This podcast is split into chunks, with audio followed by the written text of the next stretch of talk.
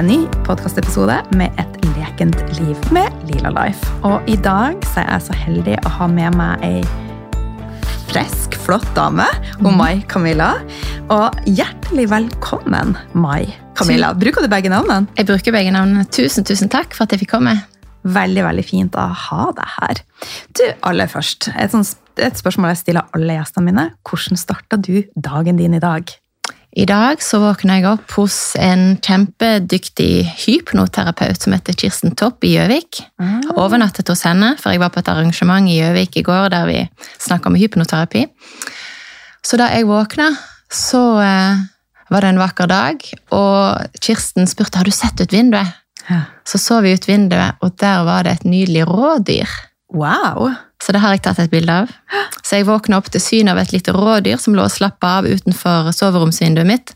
Hun har nemlig da, Kirsten, et rådyr som bruker å komme av og til og legge seg der i sånn lite ja, et lite liksom varmt sted der morgensolen treffer. Så det var det første. Og det neste vi gjorde, hvis jeg skal si en ting til, det var at jeg og Kirsten da tok en veldig god kopp morgenkaffe mens vi så utover utsikten fra huset, som var helt fantastisk. Åh, så herlig. Og nå får jeg litt sånn frysninger, for i går kveld, en av de siste tingene jeg leste på nettet, det var Vi har en medlemsportal, jeg og ei som heter Susanne. Mm. Og der var det ei som delte eh, bilde av to rådyr Mm. eh, som var i hagen hennes. Og så hadde hun da slått opp den betydninga det hadde. Eh, men nå husker jeg ikke akkurat det. Men det må vi jo finne ut av. Vi må google etterpå. Ja. Rådyr som power animals. Men eh, det er nå i hvert fall et eller annet med å våge å, iallfall for min del, da, våge å være ydmyk og, og sårbar og på en måte litt sånn våken. Og Ja. bruke flere sanser og følge med, og så på en måte tilpasse budskapet sitt kanskje til den konteksten man er i. Ja. Jeg vet ikke. Det var bare sånn umiddelbart. Kanskje vi må finne ut av det etter Vi hvert. Vi, får se. ja. ja, det er litt spennende. Men du, Mm. eh, vi har lyst til å bli bedre kjent med deg. Mm. Vil du fortelle, fortelle litt om hvem du er og din bakgrunn, og hvorfor du er her i dag? Mm. Ja, jeg heter, som du sa da, Mai Camilla Munkejord. Jeg er snart 46, trebarnsmor. Ungen er mellom 10 og 17. Jeg er gift for andre gang i det som har vært et fantastisk spennende, utrolig vanskelig og veldig givende parforhold. Jeg er, av yrke er akademiker. Eh, sosialantropolog først, og så samfunnsviter og hatt en akademisk karriere. Ble tidlig professor, først på ett felt, rurale studier, og så litt senere ble jeg professor på felt nummer to, innovasjon og entreprenørskap. Og så var det på en måte litt etter at jeg ble professor på felt nummer to, at jeg tok inn over meg at jeg ikke egentlig hadde det spesielt bra. Og at jeg hadde masse ulike symptomer, men som jeg egentlig bagatelliserte. Sånn type litt hukommelsesvansker, konsentrasjonsvansker, mye stress konstant forstoppelse. Ble mye urolig og nervøs, og så var det en del andre symptomer også som vi kan komme inn på. Men liksom, så en stund etter at jeg fikk professortittel nummer to, så, så kjente jeg at jeg hadde det ikke bra. Eh, Så kan vi kanskje si at jeg og min mann, da, liksom, der det før der det før var vondt for meg, det var i parforholdet, så vi hadde lenge gått i parterapi, men det var liksom etter, par, etter denne her professortittelen nummer to at jeg innså at jeg hadde det vondt, og at jeg trengte å gå til psykolog. Og så Det skal vi komme inn på, da. Men i alle fall så årsaken til at jeg er her i dag, det var liksom at jeg i løpet av en vår 2020 fikk noen helt sånn radikalt nye innsikter om meg, og hvem jeg var, og hva jeg bar på og hva som var rotårsakene til min smerte. Noen helt nye innsikter. Og så jobba jeg med de nye innsiktene på veldig mange måter. Og så våknet jeg en dag i desember 2021, etter ett og et halvt år, med en følelse av at det var noe som skulle skrives. Noe som skulle ut. Så da står jeg opp grytidlig en morgen, setter på PC-en, og etter noen minutter så kan jeg sjøl lese et dikt. Et av mine aller første dikt som het Barndommens infiserte brakkvann. Mm.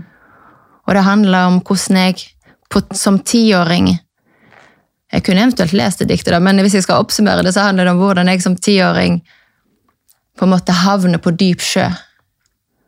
Og at jeg liksom ned i den sjøen blir som et blåskjell som lukker seg. Og bare på, liksom, får et polert skall som reflekterer det de voksne vil se. Og det, liksom, det jeg har av følelser og symptomer, det bare børstes bort som uønskede smuler. Mm. Og bare bagatelliseres og legges ikke merke til, for jeg hadde allerede som barn en masse symptomer som f.eks. For forstoppelse og likfingre og en løs ankel og dårlig syn og dårlig hørsel osv. Um, og så avslutter diktet med Men nå er jeg dekket av rur, tang og tare, og jeg åpner meg endelig opp for å gi slipp på barndommens infiserte brakkvann. Mm. Og så sier jeg til meg selv barndommens infiserte brakkvann. Sånn har ikke jeg tenkt om min barndom før. Hva er dette? Og så kommer tanken dette er åpningsdiktet i din personlige bok, Mai Camilla, som skal handle om å gi slipp på barndomstraumer. Gåsehud. Ja. Og det var 21. desember, det var like før det var jul, ikke sant? og da hadde jeg en kort og intens diskusjon med meg selv, der noe av meg sier men det passer ikke for meg å skrive en bok nå. Nå er jeg jo endelig begynt å bli frisk, endelig begynt å få krefter, jeg skal jo bake kaker og vaske hus og være tilgjengelig for familien, og ikke tale om om jeg skal sitte og skrive bok nå. Og dessuten har jeg ikke lyst til å skrive om bok heller, og i hvert fall ikke om mine egne barndomstraumer. Det er altfor sårbart å skrive om. Eh, Så det, det var jeg ikke interessert i. Men så var det veldig sånn tydelig. Kom igjen, Mai Camilla, bare sett i gang. Og så åpna jeg meg opp, for jeg hadde jo drevet da med meditasjon hver eneste dag i ett og et halvt år på det tidspunktet, og så sier jeg greit, jeg kan skrive denne boken, men da må jeg ha hjelp. For jeg har aldri skrevet før uten en plan. Sant? Jeg hadde jo skrevet mye akademisk med en plan, men aldri uten plan. Så liksom sier jeg ja, da må jeg få hjelp. Og så åpner jeg meg opp og opplever at det kommer en kraft, og så setter jeg i gang og skriver. Hver morgen fremover fra seks til ti. Litt i romjulen der så gikk det litt over stokk og stein i hermetegn. Jeg var vel mer eller mindre manisk, som en psykiater ville sagt, og skrev og skrev. Og 2. januar så var bokmanuset i all hovedsak i boks. Wow. Ja. Til min overraskelse og fryd og frykt. Og den boka skal vi komme inn på, det gleder jeg meg til. Men den beskrivelsen av blåskjell synes jeg er fantastisk fin, for jeg, jeg bruker metaforen at vi, vi kvinner er som, som blomster, men veldig mange de, vi klake å blomstre. For vi legger lokk på ting, som du sier du gjør. Vi, vi unngår å møte følelsene våre, vi unngår å lytte. Så det er veldig sånn at istedenfor at vi lytter til de signalene, som, som du fikk også, så venter vi til systemet roper. Og da er vi allerede ei lokka blomst, ei blå, et blåskjell som er lukka, som du sier. Så da må vi jo starte prosessen med å åpne opp. Men det som jeg ser er en stor svakhet i samfunnet, er at alle er ute og skal fikse ting på overflata. Vi syns det er veldig vanskelig å gå innover og faktisk ta tak i det, som du har gjort. Og det er jo da magien starter. Og det kan vel du skrive under på? Absolutt. Ja. Ja. ja. Kan, vil du si litt hvordan, skal jeg si litt om hvordan jeg starta da når jeg innså hvordan tilstanden min var? Ja. Ja. Fordi at da var det jo sånn at Eller jeg kan kanskje gå litt tilbake før jeg, før jeg innså det. For liksom jeg fikk jo først noen kognitive innsikter, og de kognitive innsiktene jeg fikk da jeg med mye motstand gikk til psykolog den våren 2020, det var tre ting. Det første sjokket, den første nye innsikten, det var at det som jeg frem til da, altså frem til den våren jeg nesten var 43, hadde tenkt på som kjærester, da jeg var ni år, det var overgrep. Seksuelle overgrep. Så jeg fortalte jo etter hvert da når jeg hadde vært hos en psykolog en liten stund om det som skjedde, nesten som en bagatellisering. Og så beskrev jeg hva som skjedde, og så sier hun kan jeg stoppe deg? Er du klar over at du beskriver overgrep? Og da var det liksom som om hele kroppen min ikke sant, var helt elektrisk og i kjempefrykt. Og nei, jeg ville ikke vite av det, og var bare helt Det kan ikke stemme. Det kan ikke stemme, på en måte. Men, ja, men det er jo det du beskriver. Ja, men det var jo ikke voldtekt. Nei, men det var ikke sant, klær av, det var penetrering med fingre, det var vondt, det var smertefullt, jeg var i taket og så på to tenåringer. Jeg, men jeg gikk frivillig tilbake flere ganger, og jeg tror at det at jeg sjøl gikk frivillig tilbake flere ganger, gjorde at jeg hadde kamuflert, og dessuten så var jeg hemmelig forelska i den ene av de. Så liksom det var innsikt nummer én, at jeg var utsatt for overgrep. Og da ga det kanskje mening, det kan vi snakke om etterpå, alle de utfordringene jeg har hatt med skam knyttet til egen kropp, masse vansker i forhold til seksualitet osv. Uh, og innsikt nummer to det var jo når psykologen da spør ja, men hvorfor sa du ingenting hjemme? Mm. Og så kommer spontant fra meg er du liksom, Hvordan kunne du være så korka, meg, Camilla, og innlemme deg med de bøllene? Mm. Sant? Hvordan kunne du meg, Camilla, være så korka og innlemme deg med de bøllene? Innbilte jeg meg at pappa ville sagt. Derfor så kunne jeg ikke si noe til pappa. Og for at ikke pappa skulle vite noe, så kunne jeg jo selvfølgelig heller ikke si noe til mamma. Så hva gjorde du da? Mm. For det, det, og det jeg da gjorde, for det var nemlig ikke bare disse overgrepene, det var disse overgrepene. Og noen måneder senere så kom de samme guttene med noen av ungene i gaten og hjulte meg opp og kasta meg på sjøen fra en brygge. Det var den høsten jeg hadde fulgt ti. Og det visste jeg på en måte var et traume, men, og det hadde jeg aldri fortalt til noen. Aldri. Ikke til en levende sjel, for det der med de overgrepene hadde jeg jo omskrevet som kjærester, men mm. det å bli hjult opp og kasta ut fra en bryggekant en høstdag med klær og sko, jeg som ikke var trygg i vann, og som trodde et øyeblikk at jeg skulle drukne, det, det kunne jeg ikke ha omskrevet. Sånn at det var, det var forferdelig vondt å fortelle om. Og det var da hun egentlig spurte hvorfor sa du ingenting hjemme. Og da var det dette her, hvordan kunne du være så idiotisk og innlemme deg med bøllene? Men hva gjorde du da? Mm. Og pappa han var i Oslo, mamma var på jobb. Hun jobba ofte ettermiddager. Så jeg lista meg opp og fikk satt på min første klesvask. Skyllet skoene og satt de i skotørkeren.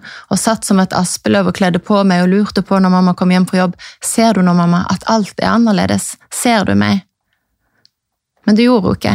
Hun bare kommenterte 'oi, så flink du har vært', og satt på klesvasken vår, Camilla. Mm.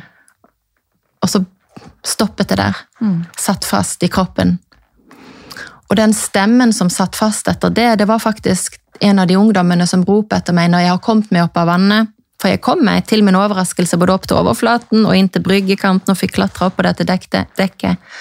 Så fikk jeg brillene tilbake fra en av de ungene i gaten som hadde vært vitne til det hele, ei som jeg kaller for Oline som gråt, men som ikke kunne ikke bryte inn, på en måte.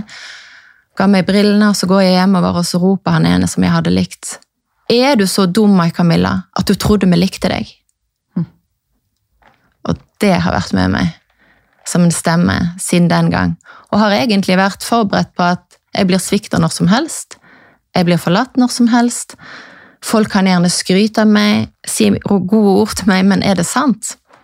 I don't know. Mm. Liksom. Det var det jeg hadde med meg mm. i lang, lang, lang, lang tid. Mm. Sånn at Innsikt nummer to som sagt, det var jo denne ja, hva var det som gjorde at jeg tenkte at pappa ville svare sånn. Og det, og det går jeg litt inn på i boken, og det kan jeg bare si litt kort om. Da var jo det at jeg innså plutselig at min oppvekst var ikke bare en sånn rosenrød middelklassebakgrunn med stettglass og malerier og klassisk musikk og, og høyere utdanna foreldre og alt på stell. Det var også det som jeg kaller for en regelstyrt lydighetsoppdragelsesstil, med veldig mange regler. Eh, og utrolig lett for meg å bryte de reglene, fordi det var vanskelig for meg å huske de. Det var masse. Ikke lov å løpe i trappen, ikke lov å glemme leker i stuen, ikke lov å gå inn i sangen, gangen med sand på beina, ikke lov å glemme å henge opp jakken, ikke velte melkeglasset, ikke komme for sent til middagen. Det var veldig mye. Vær stille når foreldrene våre sover. Og så videre, og så videre. Ikke komme inn og forstyrre dem, og så videre. Ja. Og så, i tillegg til det, så var det da kjeft og håning. Og så var det trusler og trakassering. Trusler om ris. Trusler om bank. Trusler om å bli slått gul og blå. Trusler om å bli slått helseløs hvis du ikke gjør slik og sånn om meg, Camilla. Da. Mm. Så det var klart at med den bagasjen i, rygg, i, i, i, ryggsekken, og da med en mamma som enten vendte seg bort, som overså, som glattet over, eller som bagatelliserte, som kanskje kunne si til meg 'ikke bry deg om pappa, han sier så mye dumt'. Mm. Det gjorde jo at jeg var utrygg. Mm. Sånn at når jeg da opplevde det jeg opplevde, så var det helt uaktuelt for meg å fortelle noe hjemme. Så det var innsikt nummer to. Min barndom var ikke bare rosenrød. men også preget av Jeg fikk jeg nye begreper da, fra psykologen verbal vold, emosjonell omsorgssvikt, parentifisering og så var det hvilke konsekvenser det hadde fått for meg. Og det var tredje innsikt. Hvilke konsekvenser har dette fått for meg? Og det var jo da blant annet forestillingen om at alt er mitt ansvar, jeg er feil, um, ingen liker meg egentlig, så her gjelder det bare å prestere veldig, veldig, veldig, veldig, veldig høyt, fordi at i meg selv er jeg verdiløs. Så da ble jeg Jeg fikk mønstrene, hva er det da? Overprestasjon og overansvar som type kompenserende atferd for å dekke over min indre smerte og overbevise meg selv og andre at det ikke var sant. Mm. At jeg var feil og verdiløs. Mm. Jeg drev veld, eh, veldig, veldig sterke historier, og takk som deler. Eh, jeg drar faktisk veldig mye paralleller til min egen barndom, eh, og dette har jeg aldri delt før, men også mine første seksuelle opplevelser var overgrep. To mm. ganger. 14 år. Mm. Eh, men jeg har ikke snakka om det. Mm. For at man kjenner på skam, man kjenner på at man burde gjort ting annerledes. Mm. Og så vil vi så gjerne prestere, som du sier, for vi skal være den flinke pika. Og det tror jeg er veldig mange jenter og damer som kjenner på. Veldig mange. At vi overkompenserer, som du sier. Eh, for da tenker vi hvis vi overgjør, overgir, så vil folk se oss, vi vil føle oss verdifulle, og da vil vi bli lykkelige. Men mm. det er jo helt feil ende å starte i. Mm. Så jeg er veldig glad for at uh, du deler. Nå delte jeg òg noe veldig personlig. Ja, takk. Men um, veldig mange tenker jo at traumer, det er hvis noen dør i bilulykke. Hvis noen brenner og dør. Hvis, ja, you know, de store tingene. Men traumer kan være så mye mer. Mm. Kan ikke du fortelle litt om det? Altså, du har jo fortalt litt om dine traumer, og, og det kan være en kommentar, sånn som du trodde vi virkelig at vi likte det. Mm. Sånn som jeg fikk en kommentar du har, mindre, du har større mage enn du har pupper, mm. som gjorde at jeg fikk anoreksi. Men det mm. var jo igjen bare det som tente fyr på meg. Mm. Så det er så mye som kan være traumer. Kan ikke du mm. fortelle litt om det? Mm. Ja. Um, jeg kan si at nå, faktisk litt før jeg skrev boken, og litt etter, så har jeg begynt også å lese teoretisk om traumer. litt, og Da ser jeg at jeg har traumeforståelse som er parallelt med en som heter Gabor Maté, som akkurat har kommet ut med en ny bok by the way, som heter 'Myten om det normale'. og Han har også en bok som heter 'Når kroppen sier nei'. Mm. Så jeg syns han har en veldig veldig fin traumeforståelse. Også en som heter Frans Ruppert. Eh, men, men, men min traumeforståelse er jo veldig kroppslig, da, basert på mine egne erfaringer. og Min, min forståelse og innsikt er hvis en skal definere det helt kort, så tenker jeg at et barndomstraume det er et sår på psyken, eller sår på sjelen. Og det kan skyldes en liten hendelse eller en stor hendelse. Mm. Eller det kan til og med være en hendelse som ikke fant sted. Det fanget man ikke fikk, den trøsten man ikke fikk, den anerkjennelsen man ikke fikk. Mm. Så det kan altså være nesten hva som helst, men som skaper et sår fordi barnets behov for å bli sett, for å bli møtt, for å bli forstått, for å bli anerkjent osv. ikke blir møtt. Altså, det er behov som ikke blir møtt. Og, og traume er da ikke hendelsen eller fraværet av hendelser som sådan, men konsekvensen av det man skulle ha hatt, mm. som man ikke fikk. Og den konsekvensen beskriver jo jeg da som veldig metaforisk som eh, barndommens infiserte brakkvann. Eller en annen eh, metafor kan være en sånn betent verkebull som ligger liksom dypt nede i brystet, og det blir bare mer og mer betent og mer og mer ekkelt og svull og infisering. ikke sant? Fordi at man bærer på noe som man skulle ha gitt uttrykk for, som kroppen hadde trengt å føle, som kroppen hadde trengt å forstå, men som man aldri verken fikk følt eller forstått. Og så blir det som en betent verkebull, eller til og med som en vulkan. Mm og som da etter hvert begynner å komme piplete til overflaten som symptomer vi ikke forstår. Og de symptomene kan være fysiske, som eh, kink i nakken, eller eh, en musarm, eller en stiv hofte, eller vonde knær, eller en løs ankel, eller migrene, eller forstoppelse, eller diaré. Alle mulige slags den type symptomer. Eller så kan det være depresjon, nedstemthet, dårlig selvfølelse. Eller det kan være andre typer sykdommer, dårlig immunforsvar, at man alltid liksom blir dårlig og, og får feber. Og det kan liksom komme til uttrykk som alle mulige slags den type symptomer, men det kommer også til, det kommer også til overflaten som kommunikasjonsmønstre og handlingsmønstre som kanskje er veldig uhensiktsmessige for oss. Og som, det, som vi snakker om i stad, som kompenserende atferdsmønstre. Og det vi er vant til å kjenne igjen, det er jo du nevnte anoreksi. Sant? Det er jo underspising og overspising, pillemisbruk, rusmisbruk. Det er vi vant til å kjenne igjen som usunne mønstre. Mm. Mens overprestasjon, overarbeid, treningsnarkomani, kanskje en sånn type skjønnhetsmani der man liksom må ha den ene operasjonen etter den andre og aldri blir fornøyd, det er også, sånn som jeg ser det, kompenserende atferdsmønstre der man hele tiden har en eller annen uro, en smerte inni seg som en beveger seg bort fra ved å søke, liksom, ved å vende sin oppmerksomhet et annet sted enn innover mm. i seg selv. Fordi man er redd for smerten. Mm. Og så innser man ikke at ved å være redd for smerten og unngå smerten, så blir lidelsen så mye større. Mm. Oh. Og det er så Det bare føles så rett å prate om dette. Og jeg har jo, min måte å kompensere på var jo trening og kosthold, og bare fortsatt legge lokk på ting. Men det er jo de senere årene, etter jeg begynte å møte følelsene mine, jobbe med meditasjon, være mer i naturen, snakke Det er jo da jeg har fått det bra. Mm. Og faktisk også letta på trykket i forhold til det med mat, og, og så er jeg mye friere. Mm. Istedenfor at alt skal være så rigid, og så at vi skal kontrollere og leve i frykt. Mm. Og bare gå mer med flyt og kjærlighet. Mm. Så det har gjort en veldig stor forskjell for meg, da. Og for meg også. Og det var jo den endringen som starta da jeg innså sommeren 2020, etter å ha fått disse innsiktene, at her måtte noe gjøres. Og jeg innså det etter at jeg eh, først la jeg meg syk den sommeren. Liksom var, Nå er mamma deprimert og syk, og sånt, og så, men heldigvis kom de i ferien. Det er sikkert over i august når jobben begynner. og så var jo ikke alt over da etter en fire-fem uker på sofaen, og sånn, sånn at da gikk jeg til legen etter press fra min mann og en venninne. Og så nesten litt sånn uforstående sier at ja, jeg er nå her fordi at jeg har fått beskjed om å komme, jeg har ikke hatt så bra i sommerferien. Kanskje kommer jeg til å trenge 20 sykemelding etter hvert, for jeg har det ikke så bra. Og så stiller han noen kontrollspørsmål, og så sier han 100% sykemelding i dag. Og så liksom skriver han da insomnia, depresjon, utbrenthet. Og for meg var det helt sånn What? Meg? De merkelappene der, kan det stemme? Og jeg bare, er du klar over hvor viktig jobb jeg har?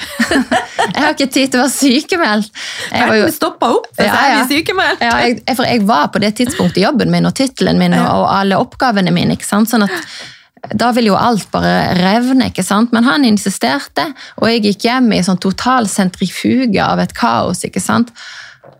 En liten stund inntil jeg ganske få dager etterpå, altså en uke eller to, innså at greit, dette er min mulighet til å gjøre radikale endringer. Mm. Så har jeg jo da en sånn veldig kraft, sant? så da var det bare sånn Veldig raskt så begynte jeg å gjøre endringer. Jeg sa opp et verv som jeg hadde som leder for et doktorgradsprogram. Ga fra meg noen sånn prestisjeprosjekt som vi hadde fått finansiert, ikke sant? Og, og ga de fra meg til noen andre, for jeg kunne ikke ha det presset på meg når jeg skulle tilbake på jobb. Så begynte jeg å google og På det tidspunktet så var jeg agnostiker, men eh, jeg la merke til en person da, som var sånn coach og mental, eller sånn veileder, som riktignok også kalte seg for spirituell veileder og, og sjaman. Og det bare valgte jeg å overse, bare skrev en desperat e-post. 'Hallo, kan du hjelpe meg?' Og det kunne han. Så han ville gjerne være min veileder. Så lurte jeg på om jeg hadde lyst til å være med på reikekurs og noe healingkurs og noe sjamankurs og noe greier. Og jeg bare whatever if it works, liksom. Satt jeg der bare sånn totalt forvirret og bare liksom hadde sånn mantra. What is, What if this is correct? Altså, hva om alt det jeg har trodd til nå, faktisk ikke er riktig? Og hva om det er sant at det jeg hører nå, hva om det er sant at vi både er materielle og energetiske vesen? Hva om det er sant at vi har en sjel? Hva om det er sant at det finnes reinkarnasjon? Hva, det, hva om det er for sant om healing? For dette trodde du ikke på før. Nei, ikke det hele tatt. Nei. Jeg var totalt lukket for absolutt alt. Mm. Satt jeg bare der og gikk helt sånn i løpsk, ikke sant? Altså, sånn, sånn type energi, og var gradert sykemeldt og jobba med dette. Parallelt som jeg da selvfølgelig gjorde ørtende endringer. Jeg anbefaler for så vidt ikke andre å gjøre så mange ting på en gang. Så jeg endra kosthold, begynte å meditere hver dag. Hadde sånn 90 dagers challenge med, med meditasjon ute i naturen. Uansett vær og vind. ikke sant? Kjøpte meg egen kjeledress for det formålet. Jeg eh, Så fortsatt litt sånn prestasjons... Ja, var nok fortsatt litt sånn ja, jeg ville nok bli raskt frisk, og her skulle det gå unna. Jeg hadde et voldsomt tempo. Eh, fortsatte fortsatt hos psykolog, det funka ikke så bra. Fikk ikke gitt slipp på smerten. Meditasjonen funka ikke bra nok. Jeg prøvde å tilgi, tilgi, tilgi. Herregud, Camilla, kan du være så snill å gi slipp på det der drittet når jeg orker ikke mer? Og så var jeg innom psykodrama. Da begynte ting å slippe. Mm. Og etter hvert så begynte jeg i hypnoterapi, og da begynte virkelig ting å slippe. Og så lærte jeg meg mer i denne meditasjonen også å gjøre selvhypnose. Og etter hvert så begynte disse tilgivelsesøvelsene det kan vi komme tilbake til, å virke. Og liksom jeg bare kjente hvordan det ene etter det andre, etter det tredje og så videre, laget av smerte og nag og bitterhet ga slipp. Mm. Og jeg fikk det gradvis bedre. Men i forhold til tempo, på en måte så tenker jeg ja, det var veldig høyt tempo. Og jeg skammer meg en periode over herregud, hvorfor må jeg alltid ha så høyt tempo? Men jeg føler nå at det var jo fint også at det gikk såpass raskt å gjøre disse endringene, for det viser at det går an å gjøre raske endringer. Og når man har et raskt tempo, så betyr det ikke nødvendigvis at man løper fra seg selv. Man kan også ha et raskt tempo og allikevel være i tett kontakt med seg selv, sjekke inn med seg selv. Flere ganger til dagen. Og på en måte kjenne at her er jeg, her og nå. Ikke sant? Akkurat her og nå er jeg. Og kjenne på takknemlighet, Kjenne på hva man føler. Være til stede i den slurken med vann eller slurk med kaffe. Mm. Vet ikke om du la merke til det, men det var en fantastisk skyformasjon rett over oss rett før vi gikk inn her, og jeg følte at det var et, sånn, et lite hjerte i skyformasjonene Åh, til oss. Det så jeg ikke. Og jeg bare åh, takk! så jeg føler liksom at jeg Jeg har et veldig raskt tempo nå også, men, men jeg prøver å gjøre én ting om gangen, for eksempel. Jeg hviler mye i løpet av dagen fysisk og på ulike måter. Og så stoler jeg på at jeg får, prøver i alle fall, å stoler på at jeg får den hjelpen jeg trenger til enhver tid. Mm. Og hjelp til å sortere og gjøre det viktigste først. Mm. Ja, det ble en Jo, men jeg skjønner Ja. hva du mener. For Mm. jeg tror mange tenker at eh, når de har opplevd sånn, så er vi vi tenker på oss sjøl som litt skjør og sensitiv, og at vi bør hvile og gjøre minst mulig. Men jeg tror ikke det er der nøkkelen ligger. Det som du sier, å faktisk ta seg reset imellom. Jeg bruker bare å ta meg et minutt og bare høre på fuglene, eller ja, bare være til stede. Bruk sansene i det vi Mm. gjør. Istedenfor at når vi vasker opp, så gjør vi noe annet. Ja. Og når vi lager mat, så skal, tenker vi på noe annet. Men vær til stede i det vi faktisk gjør. Mm, mm. Men det er jo en kunst å komme seg dit. Det er en kunst å komme seg dit, og jeg vil Mm. absolutt ikke si at jeg er der 100% og av og til så har jeg veldig veldig lyst til å høre en podkast akkurat når jeg tar oppvasken eller når jeg støvsuger, eller sånne ting, og ikke være til stede. liksom. Så jeg butter jo litt på å øve meg på å være til stede, eller øve meg på kanskje være til stede i podkasten mens jeg gjør noe annet. liksom. Mm. Ja. Um, men å øve seg på tilstedeværelse, og liksom hele tiden ha det derre The Power of Now-mantraet til Eckhart Tolle, som jeg liker veldig, veldig godt. Um, og på en måte hele tiden, for min egen del, jobbe med å klippe de lenkene til fortiden som jeg ikke trenger. For jeg har hengt veldig fast i fortiden. Men så har jeg også vært veldig i ferd med å planlegge fremtiden. Så jeg har på en måte enten vært i fortid eller fremtid, og i stadig større grad og i stadig litt lengre tidsintervaller være til stede her og nå. Det, gir jo, det er jo det som gir glede, for livet er jo her og nå. Det er det. Mm. Ja. Når du gir slipp på den flinke pika som overgjør og gir, og klarer å sette sunne grenser, vil du åpne opp for ei kvinne i frihet og flyt, som ser sin uendelige verdi. Det her skrev jeg til meg sjøl for ei stund siden. Etter 46 år på denne jorda gikk det et stort lys opp for meg. Hvorfor jeg hadde hatt alvorlige spiseforstyrrelser, flere autoimmune sykdommer, vært utbrent og hatt en selvfølelse under pari. Og hvorfor endringene jeg så fortvilt prøvde å gjøre i det ytre med å fiks, fiks, fiks, ikke fungerte. Og hvorfor dette ikke bare noe jeg opplever, men det er sånn at åtte av ti kvinner kjenner på noe av det samme i en eller annen form, fysisk, psykisk eller emosjonelt. Det finnes mange veier til rom, men det finnes ingen quick fix, shortcuts eller omveier.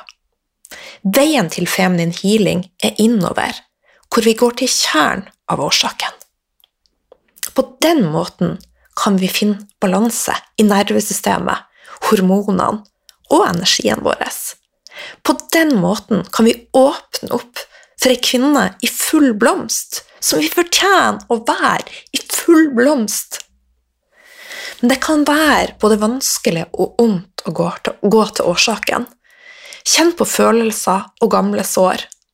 Men det er nødvendig. Og tilgivelse og det å gi slipp er viktige nøkler i prosessen. Min healingreise har vart i 20 år. Men det siste året har alt skutt fart. Og har oppnådd bedre resultater på ett år enn de 20 forrige. Og hvorfor? Jo, jeg har åpna døra for feminin healing. For det energetiske og krafta i meg sjøl. Og du har samme krafta i deg.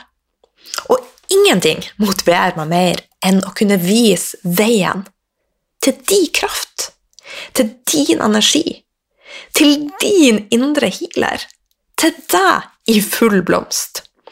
Og derfor gleder jeg meg så sinnssykt til å sette i gang prosessen med kurset Feminin healing, som starta 31. mai. Men allerede når du melder deg på, vil du få umiddelbar tilgang til kurset Hormoner i balanse, som er på seks moduler, pluss en spørretime med ho, doktor Nina Wilhelmsen. Etter det, fra 31. mai, så får du tilgang til seks livesendinger hvor vi skal være i lag. Og disse sendingene er fordelt fra mai til september, rett og slett for å få tid til å integrere endringer. Tid til å vi, de kvinnene som fortjener å være i blomst. Og du kommer til å få øvelser for å gi slipp, for å tilgi, komme i kontakt med barnet i deg, åpne opp for nye sannheter og øvelser for å komme i kontakt med ditt fulle potensial.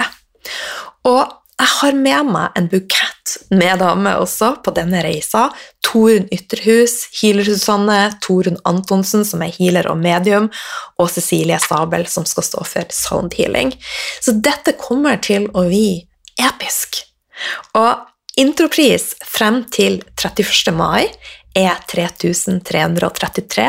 Etter det så dobles prisen. Og jeg håper å ha deg med på denne reisa, ha deg med i full, full blomstring og finne tilbake til krafta i deg. Og du kan melde deg på via lilalife.net slash feminin healing.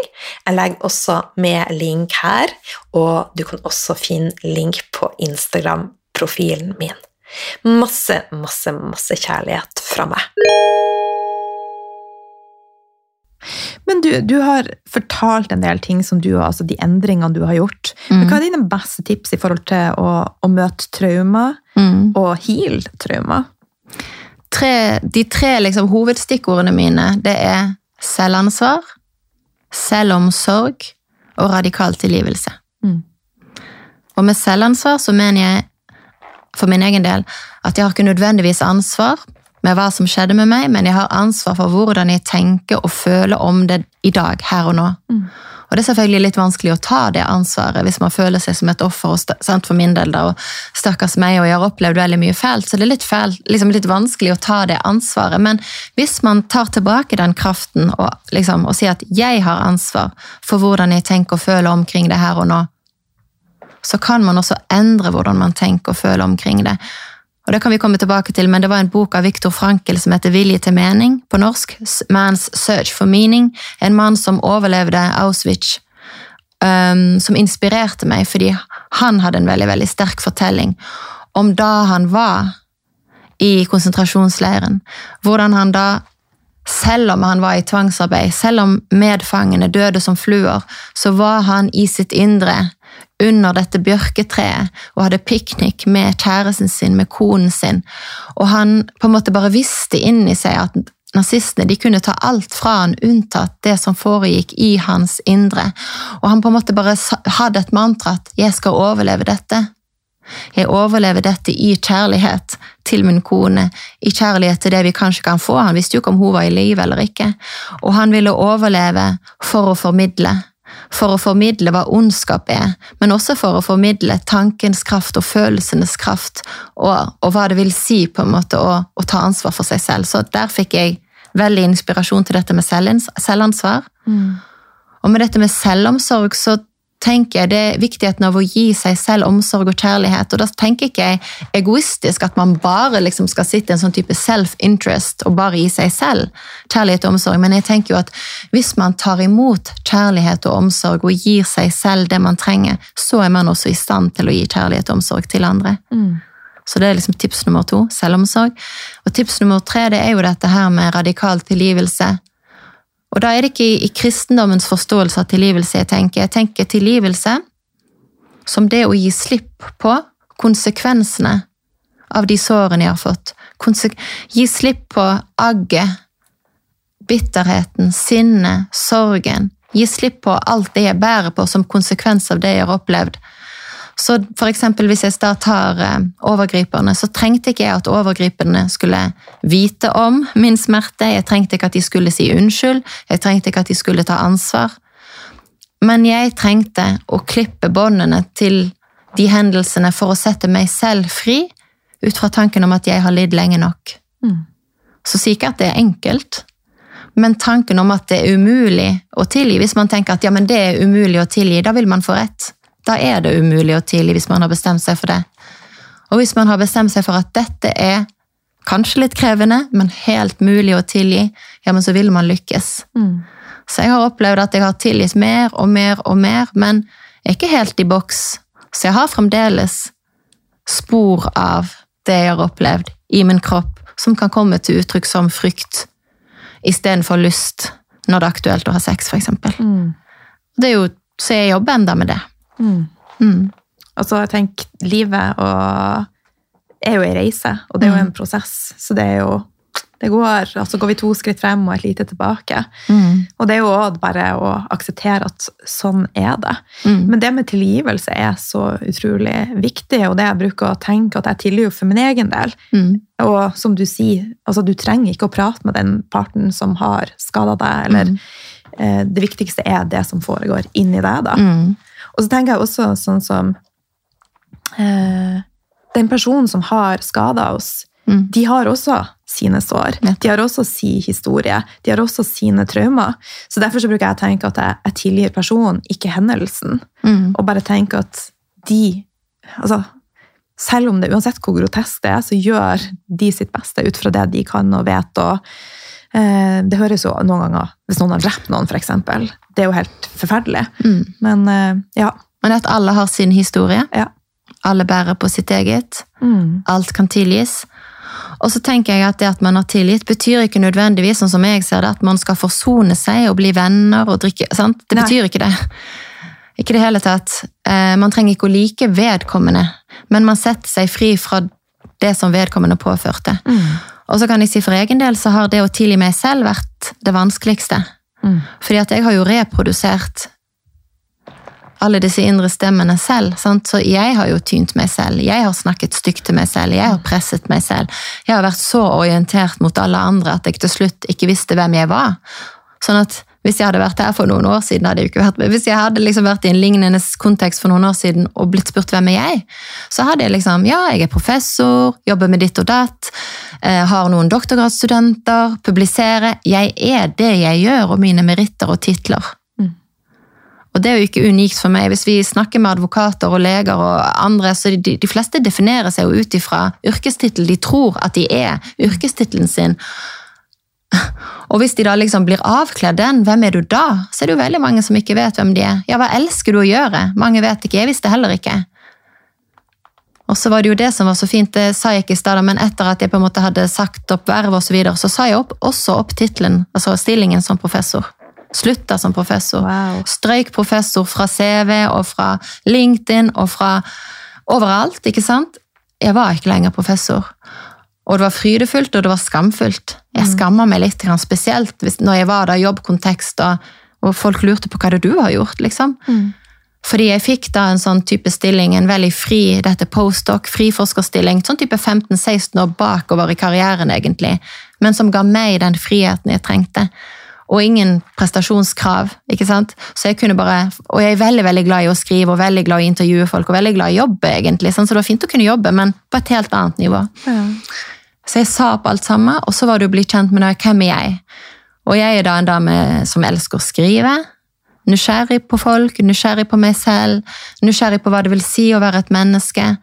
Nysgjerrig på sant, hva følelser er, og hvordan følelser oppstår. Nysgjerrig på kjempemange forskjellige ting. Omsorgsfull og intens. Og så fant jeg ut at eh, etter hvert sant, at jeg er glad i å buldre.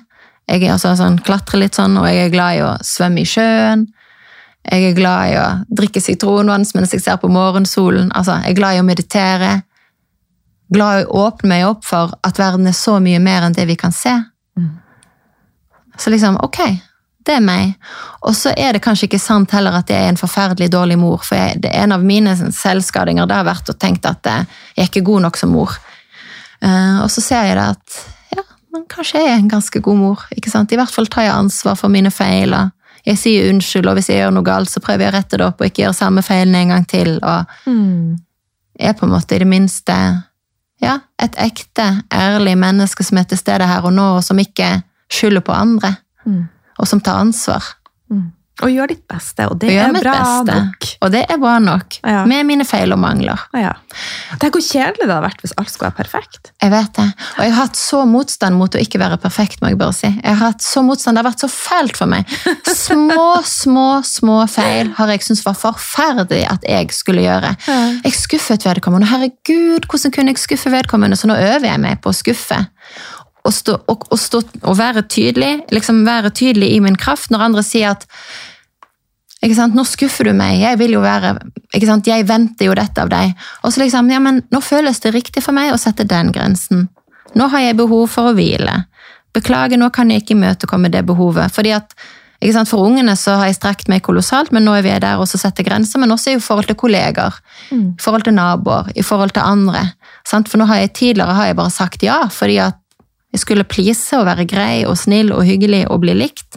Og nå øver jeg meg da på å si nei og sette grenser. Av og til går det bra, av og til møter jeg kritikk, og det er da å stå Prøve i alle fall, da, å håndtere den kritikken. Og så liksom skjønne at ja, vedkommende nå ble skuffet, men jeg satte en grense som var nødvendig for meg. Det tenker jeg er utrolig det er veldig viktig å gjøre det. Og den ultimate treningen på det, det var jo det valget om å utgi denne boken til tross for massiv, massiv motvilje. Spesielt fra pri- primært fra min mor. Ja. Litt også fra min mann, før han valgte å godta det. Eh, det kan vi ta etterpå. Og min mor massiv, massiv, massiv, massiv motstand. Mm. Mm. Hvordan møtte hun det når boka kom ut? da? Eh, altså Hun fikk jo lese manuset. Hun visste ingenting om disse verken overgrepene eller min opplevelse av henne som bortvendt. Ja. Det begrepet bortvendt jeg bruker om henne. Eh, pappa som på en måte verbalt voldelig. Selvfølgelig mange andre sider også, men blant annet verbal vold. Og mamma mange sider, men blant annet emosjonelt bortvendt. Uh, ja, jeg, jeg kan si det, når jeg hadde skrevet boken, jeg kan kanskje først si det, når jeg hadde skrevet boken, så lurte jeg jo en liten stund på skal den inn i en skuff. Ble bare skrevet for min egen del, eller er det på en måte noe jeg skal gi videre? Så følte jeg sterkt at jeg skulle gi det videre. Og så var jo spørsmålet ok, skal jeg gjøre det eh, med pseudonym, sant? under falskt navn, eller skal jeg gjøre det i mitt navn, men med en roman, skrive at det er en roman, og så liksom endre litt på den? Mm. Eller skal jeg gjøre det i mitt navn, som en selvbiografisk bok? Og jeg var faktisk i tvil i flere runder, men bare en dag så våknet jeg og visste at selvfølgelig skal du ut i dette her, Maria Camilla, i ditt navn. Dette er jo din historie, og hvis noen kan stå frem med den, så er det meg. Mm. Fordi at det er min historie, men den er også satt inn i en faglig kontekst, fordi at jeg er jo forsker. Sånn at det, det var måte, det, det kom naturlig, jeg skrev den jo veldig raskt, som jeg sa, sant? sånn at det kom på en måte naturlig, at det nesten er en sånn type selvbiografisk analyse som er satt inn i en traumeforståelse. Sånn at, og poenget er jo nettopp da å vise hva barndomstraumer kan være, hvordan de kan oppstå, hvordan de kan komme til overflaten som symptomer vi ikke forstår, og hvordan vi kan sette oss fri gjennom liksom å finne vår vei. Men vi må våge å være ærlige og, og sanne med oss selv. Vi må våge å være autentiske, og så må vi våge å be om den hjelpen hver enkelt av oss trenger. Og for å være i stand til det, så må vi ta selvansvar og gi oss selvomsorg og være villig til å tilgi. Ja, Nå snakket jeg meg litt ut. Hva var det jeg Husker du? Det går helt fint. Jeg tenker at det passer veldig fint å gå over på det med følelser og energi. Eller skulle jeg si det med mamma? Ja, det kan du si. Det var det. Ja, for, og så tar vi følelser og energi. Så da valgte jeg å gi ut, ut i boken, signerte kontrakt, dro hjem til barndomshjemmet, ga manuset til mine foreldre, som da fikk lese boken, og de fikk mulighet til å kommentere om de mente det var faktafeil, eller om de ønska å ha en sånn type etterord. Og det sa jeg de kunne skrive uredigert, ufiltrert fra min side. Det ville de ikke. Men hennes reaksjon det var at dette kan ikke publiseres. Mm. Dette må forbli i familien. Ja. Og så når jeg da ønsket å utgi det, til tross for at jeg såret henne, Mm. til tross for at hun ønsket at det skulle bli familiens hemmelighet, Ja. Eh, så ble det veldig veldig vanskelig mellom oss. Ja. Og jeg skrev et dikt da. Det, hvis vi hadde hatt veldig god tid, så kunne jeg lest det. Da skrev jeg et dikt til henne i håp om at hun skulle forstå at dette er ingen biografi om henne. Dette er mine minner, mine lydfiler, mine bilder, min forståelse av min historie og hvorfor ting ble som de ble, og hvordan ting ble som de ble. Mm. Og hun er selvfølgelig uendelig mye mer enn de små glimtene jeg beskriver av henne i boken. Ja. Eh, Og det tror jeg egentlig at leserne ser. Og de ser også at det er ingen hevn. Det er ikke meningen å sverte mine foreldre, men det er en relativt alminnelig oppvekst i Norge på 80-tallet. Mm. Det er utrolig mye vanligere enn vi tror, tror jeg, det som jeg opplevde. Mm. Og det er også veldig vanlig å bagatellisere det, nettopp fordi det er så vanlig. Mm. Så akkurat nå har vi da en vanskelig relasjon, jeg og min mor. Og min far, for så vidt. Mm. Mm. Jeg skjønner. Og jeg tror også at det er vanligere enn vi snakker om. Og det, igjen så vet jeg jo at mine foreldre de vokste jo opp sånn som Faren min han vokste opp med ti søsken, og mora var alene på gård. Hun vaska i tillegg, og bestefaren min var på reise. Så det var strengere kår. Og det var jo det han kunne, da. Og det var sånn, Spiser du ikke opp maten din, så får du ikke gå ifra bordet. Da får du den til kveldsmat. Og jeg var den første ungen, og det var jo det han kunne. Og ergo, jeg var hans forsøkskanin. Yeah. Så han vet bedre nå, og han vil ikke ha gjort det nå, da. Som, det er jo det livet Men likevel så rettferdiggjør det jo ikke det handlingene. Mm. Men igjen, da må vi tilgi. Vi må komme oss videre.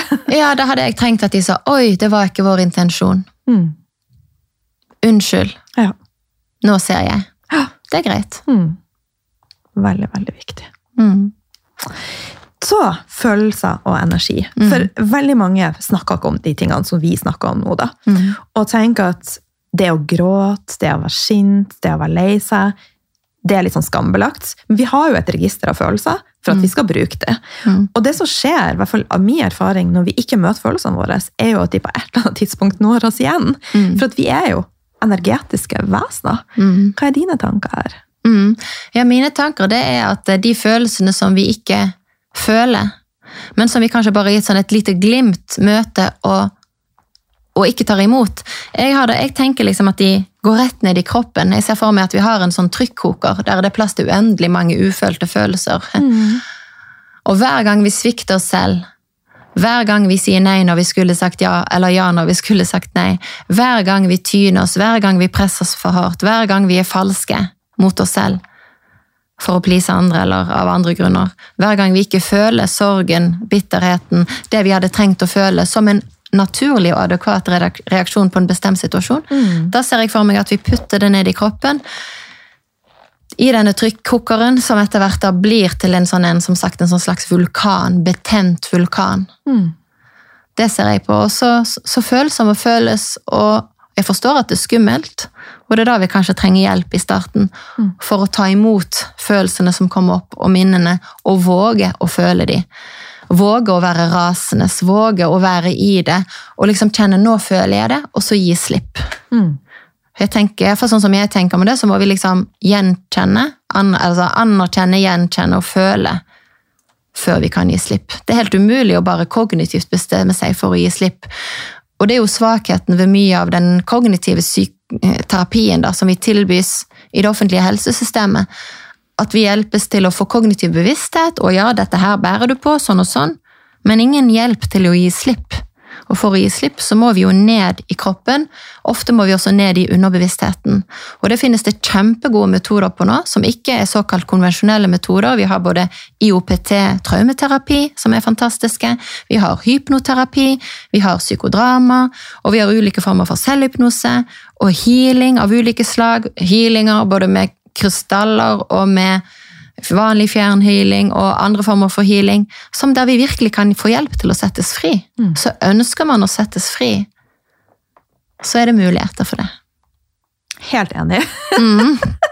Jeg starta dagen min hver eneste dag med Silva-metoden. Ja. Og bare ja, rett og slett omprogrammere underbevisstheten min. Mm. Det har gjort en enorm forskjell. Mm. Og jeg var jo sånn som du, at jeg ikke trodde på de her tingene som jeg ikke kunne ta på. Mm. Ernæringsterapeut og markedsføringsutdannelse. Og så bare kom det til et punkt der bare åpna seg en helt ny verden. Mm. Det er jo så fantastisk. Mm. Kjempe. I love it! Ja. ja, det er veldig spennende. Veldig, veldig spennende. Og utrolig spennende også hvor mye hjelp vi kan få hvis vi åpner for det. Sånn, og sånn som for min del, da skrive en bok på kort tid. Og det er jo ikke poenget at det var kort tid, det, det, det høres ut som at det var så bra, men det er et eller annet med at uten å ha en plan, uten å vite kognitivt hva som kommer. Og i min tekst da, sant, så er det jo Plutselig så kommer det noen dikt, ikke sant? og så oi, nå forsto jeg noe annet enn det jeg forsto før. For eksempel, nå kom det et lite dikt til meg som jeg kan ta, et dikt som jeg skrev sånn spontant, som var sånn Hele mitt liv har jeg følt meg foreldreløs. Likevel har jeg sviktet meg selv i frykt for å bli foreldreløs. Ikke sant? Altså, oi! Så forsto jeg litt mer. Oi, er det dette jeg skriver om? Ikke sant? Og så skriver jeg videre. Ja. Og det åpner vi jo for når vi kommer mer i kontakt med underbevisstheten, så åpner vi opp for intuisjon Mm. og det som er vår kraft og vår sannhet. Og da kommer jo disse tingene. Mm. Vi kommer in spirit! Ja, og det er veldig, veldig stilig hvordan, hvordan vi da gjennom, når vi snakker fra hjertet eller fra kroppen eller fra intuisjon eller sjelen eller hva man vil si. Man kan gjerne si kroppen for min del hvis man ikke tror på sjel, at man snakker fra kroppen. Men når man i hvert fall da snakker sant, sin sannhet, sin egen sannhet, så er det så utrolig fint hvordan, det, hvordan andre som resonnerer med det, blir truffet og blir i kraft til å gå inn i sin sannhet. Så det er utrolig frigjørende når vi tør å være autentiske. Og det er jo kjempespennende. Så jeg kan si det i forhold til min bok, for eksempel, så har jeg fått tilbakemeldinger, så mange tilbakemeldinger på SMS og e-post osv. Og, så videre. og den yngste som har gitt tilbakemelding, er 18, og den Wow. eldste er nesten 77. Wow. Og det er veldig, veldig stilig. Ja. At bare boff, sant? Nå skjønner jeg. Jeg kan si Hun damen på 77, for eksempel, hun ringte i påsken, og så sier hun jeg, bare, jeg ville bare takke deg, fordi at nå ble jeg truffet av boken din. Ikke sant? Og hun sier endelig forstår jeg at jeg har ikke hatt ordet nei i min munn før nå, og nå er jeg snart 77, og endelig så skal jeg teste det ut hva det vil si å si nei. Ikke sant? Jeg, jeg, jeg er til og med i den samme venneklubben som jeg har vært i siden jeg var ung, siden jeg var jentunge, liksom. Ik og, jeg, og vi liker ikke hverandre engang. Sitter jeg der og strikker med det, ikke sant, på 70. året. Så nå håper jeg at jeg blir 80 år, så jeg får i hvert fall tre år i sannhet. Takk skal du ha. Ikke sant? Det er jo Åh, fantastisk. det er fantastisk. Ja. Å, herregud, så Ja. rørende. ja. Men det, altså, det er også trist å bare vite hvor mange som, som ikke lever i sin egen sannhet. Ja. Men at du gjør en forskjell, er jo magisk. Ja, og ikke bare jeg, du og alle andre som lever. Altså, jeg tror at alle gjør en forskjell. Vi gjør jo en forskjell for hverandre, og også de som ikke lever i sannhet, gjør en forskjell. Jeg tenker på en måte at vi lærer av hverandre. Vi lærer av alt. Altså, vi lærer av alt av hverandre hvis vi er åpne for det. Og liksom, hvis vi er åpne for at intuisjonen vår kan gi oss på en måte det vi trenger her og nå. Og det øver jo jeg meg litt på, da, å ikke være så avhengig av si, sekundærkilder og andres forskning og andres tanker, men også noen ganger å lytte innover og våge å stole på det som jeg kom i kontakt med da. For, og jeg tror jo på en måte at vi har mye å lære om? Altså, hva vil det si å tenke. Jeg, jeg, jeg har ikke noen klare tanker om hva det vil si å tenke, men jeg føler i hvert fall veldig sterkt at noen av tankene mine kommer fra meg, noen av de tankene kommer jo fra omverdenen og menneskene rundt meg, men enkelte av tankene kommer jo fra liksom, et litt annet sted. ikke sant? Plutselig, altså Jeg skriver jo for denne boken om barndomstraumer nesten uten teoretisk kunnskap om traumer fra før. Og det er jo veldig stilig. Og så sjekker jeg etterpå, så forstår jeg at det er på linje med Gabor og Rupert. og sånt nå. Sånn at da er det jo da er det fra kroppen på et vis. Mm. Altså at vi har mye mer intuitiv kunnskap egentlig enn det vi ofte tar i bruk. Mm. Og det gjelder alle mennesker. Ja. Absolutt Kjente til Human Design. Ja, litt, bitte litt. Ja, for han kanaliserte det. Han satt i flere år og bare Ja, kan du tenke deg, det er knallstilig. Ja. Ja. Men du må jo være åpen for det, da. Jeg, eh, ja. Ja. ja. Jeg prøver alt jeg kan å være åpen for det som det er meningen at jeg skal være åpen for. Sånn, så jeg ber på en måte om å få lov å ta imot det som jeg er klar til å ta imot, og det som jeg er klar til å fordøye. Sånn at jeg ikke tar for mye. For når jeg tar for mye, da får jeg Jeg har jo liksom hatt denne hoften, og sånn, og den kommer fremdeles. Det er liksom mitt første tegn på at nå tar du kanskje for mye. Da er det liksom forstoppelse og litt sånn stivhet i hoften. Så da er det bare å ta det på første signal og sette seg ned og, og be om hjelp til å gi slipp på det jeg ikke trenger å bære på, og ta imot det jeg trenger. For jeg har en tendens å ta til meg litt mer enn det jeg kan fordøye. Mm. Men du, eh, hvis du hadde en tryllestav, Mm. og du kunne bruke den til hva du ville, Mm. hva ville du ha endra da? Eller hva ville du ha brukt den til? Hvis jeg får lov å tenke veldig, veldig stort, så ville jeg ha brukt den til at ikke bare jeg selv, og ikke bare vi to, ikke bare lytterne som hører på oss nå, men at faktisk at alle mennesker i hele verden bare nå, med et knips, kunne kjenne at jeg er verdifull og verd å elske, akkurat som jeg er, akkurat her og nå. For hvis vi kan våge å kjenne at det er sant, da vil det skje enormt radikale endringer. Hele verden vil plutselig være helt, helt annerledes. For jeg tror jo at sann endring kun skjer innenfra. I hver enkelt av oss. Å, så fint. Og jeg er Mm. så enig. Totally agree. Mhm, Mhm. Så bra. Ja. Du, nå kan du få lov å, hvis det er noe vi ikke har vært inne på, er det noe du vil tilføye som du tenker er viktig i forhold til å belyse boka, belyse det med trauma? Jeg syns vi har vært inne på veldig mye. Um, Det har vi. Jeg vil bare gjerne si til hver enkelt som hører på oss, at eh, jo, jeg kan si en ting til slutt. Jeg har vært utrolig mye redd. Frykt har vært hovedfølelsen min. Og jeg har fremdeles en del øyeblikk der jeg plutselig blir grepet av frykt som sniker seg inn. Frykt for det ene eller det andre. Det er mye frykt jeg har gitt slipp på også, men det som jeg da gjerne vil si, det er at frykt, sånn som jeg ser det, det, det er jo motsatsen til fryktløshet. Og, hvis man på en måte, og jeg tenker at en enorm frykt har et potensial til en, et enorm, en enorm fryktløshet og en enorm nesten sånn type kompromissløshet. Og ved å omfavne begge disse aspektene så vokser det frem som et enormt mot. Og jeg vet jo at jeg er enormt modig. Og jeg tenker at jeg er modig som en konsekvens, kanskje. Altså Nesten at det er mot å få næring av frykten på et vis. Jeg velger å se på det sånn. Og da blir ikke frykten en fiende, men et brensel til mitt mot. For det å være modig er jo ikke Altså Det er jo å gjøre det rette, gjerne med skjelvende knær. Man kan godt være redd samtidig som man er modig. Så folk, folk der ute som tenker men det ville jeg aldri ha våget, og jeg er så redd, så tenker jeg ja, men nettopp derfor, fordi du, sant? fordi du er så redd, så kan du våge å tenke at ja, jeg er så redd. Det betyr at jeg er enormt sterk. Jeg har en enormt potensial til mot og til kraft og til ærlighet i mitt eget liv. Og så vil jeg si til hver enkelt, våg å være sann med deg selv. Våg å risikere å miste relasjoner. Fordi at dersom du holder på relasjoner som er falske, bare liksom i ren frykt, så svikter du deg selv. Så slutt å svikte deg selv, vær sann mot deg selv, og vit at du vil få alt det du trenger, tilbake. Noe sånn? True words. Ja. Ja, Mm, veldig, veldig bra. ja. Du, hvor kan lytterne treffe deg, og hvor kan vi finne boka di? Ja, boken først, den kan de finne i alle nettbokhandler.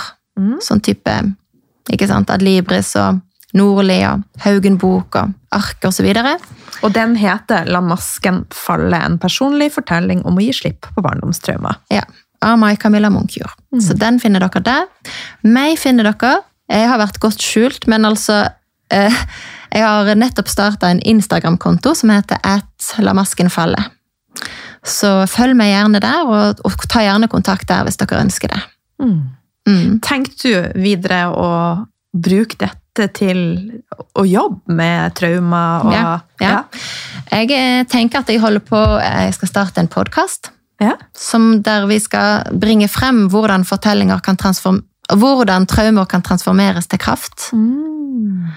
Og så tenker jeg at så, så underviser jeg nå, skal begynne å liksom, ha en litt mindre stilling i akademia, men undervise i liksom, dette med identitet, dannelse og selvutvikling. Og jeg tenker at selvutvikling og det å på en måte bruke sine egne erfaringer mye mye mer enn det vi er vant med å gjøre, det må inn i akademia. Vi kan selvfølgelig lese forskningslitteratur, men ikke bare støtte oss på forskningslitteratur. Vi er nødt til å bruke forskningslitteraturen til å forstå oss selv. Så jeg er opptatt av inn med kropper, inn med erfaringer, inn med vår egen forståelse i lys av tidligere forskning. Så den, det ønsker jeg å gjøre i akademia. Og for øvrig så skal jeg jo skrive bøker. Jeg har allerede skrevet bok nummer to. Wow. Den heter Hold meg fast, slipp meg fri. Oh. En personlig fortelling om å transformere et parforhold fra smerte til vekst. Ja. Så da er jeg veldig spent på å finne det passende forlaget til meg. Og da trenger jeg et forlag som skal hjelpe meg å løfte frem bøkene. Så det var en søknad fra meg, Camilla. Bare ta kontakt. Men du, tusen, tusen takk for at du ville være med. Det har vært veldig, veldig både utviklende og fint å prate med deg. Tusen takk for at jeg fikk komme, Line. Bare hyggelig. Og så prates vi garantert igjen. Ja, det håper jeg. Ja. Tusen takk.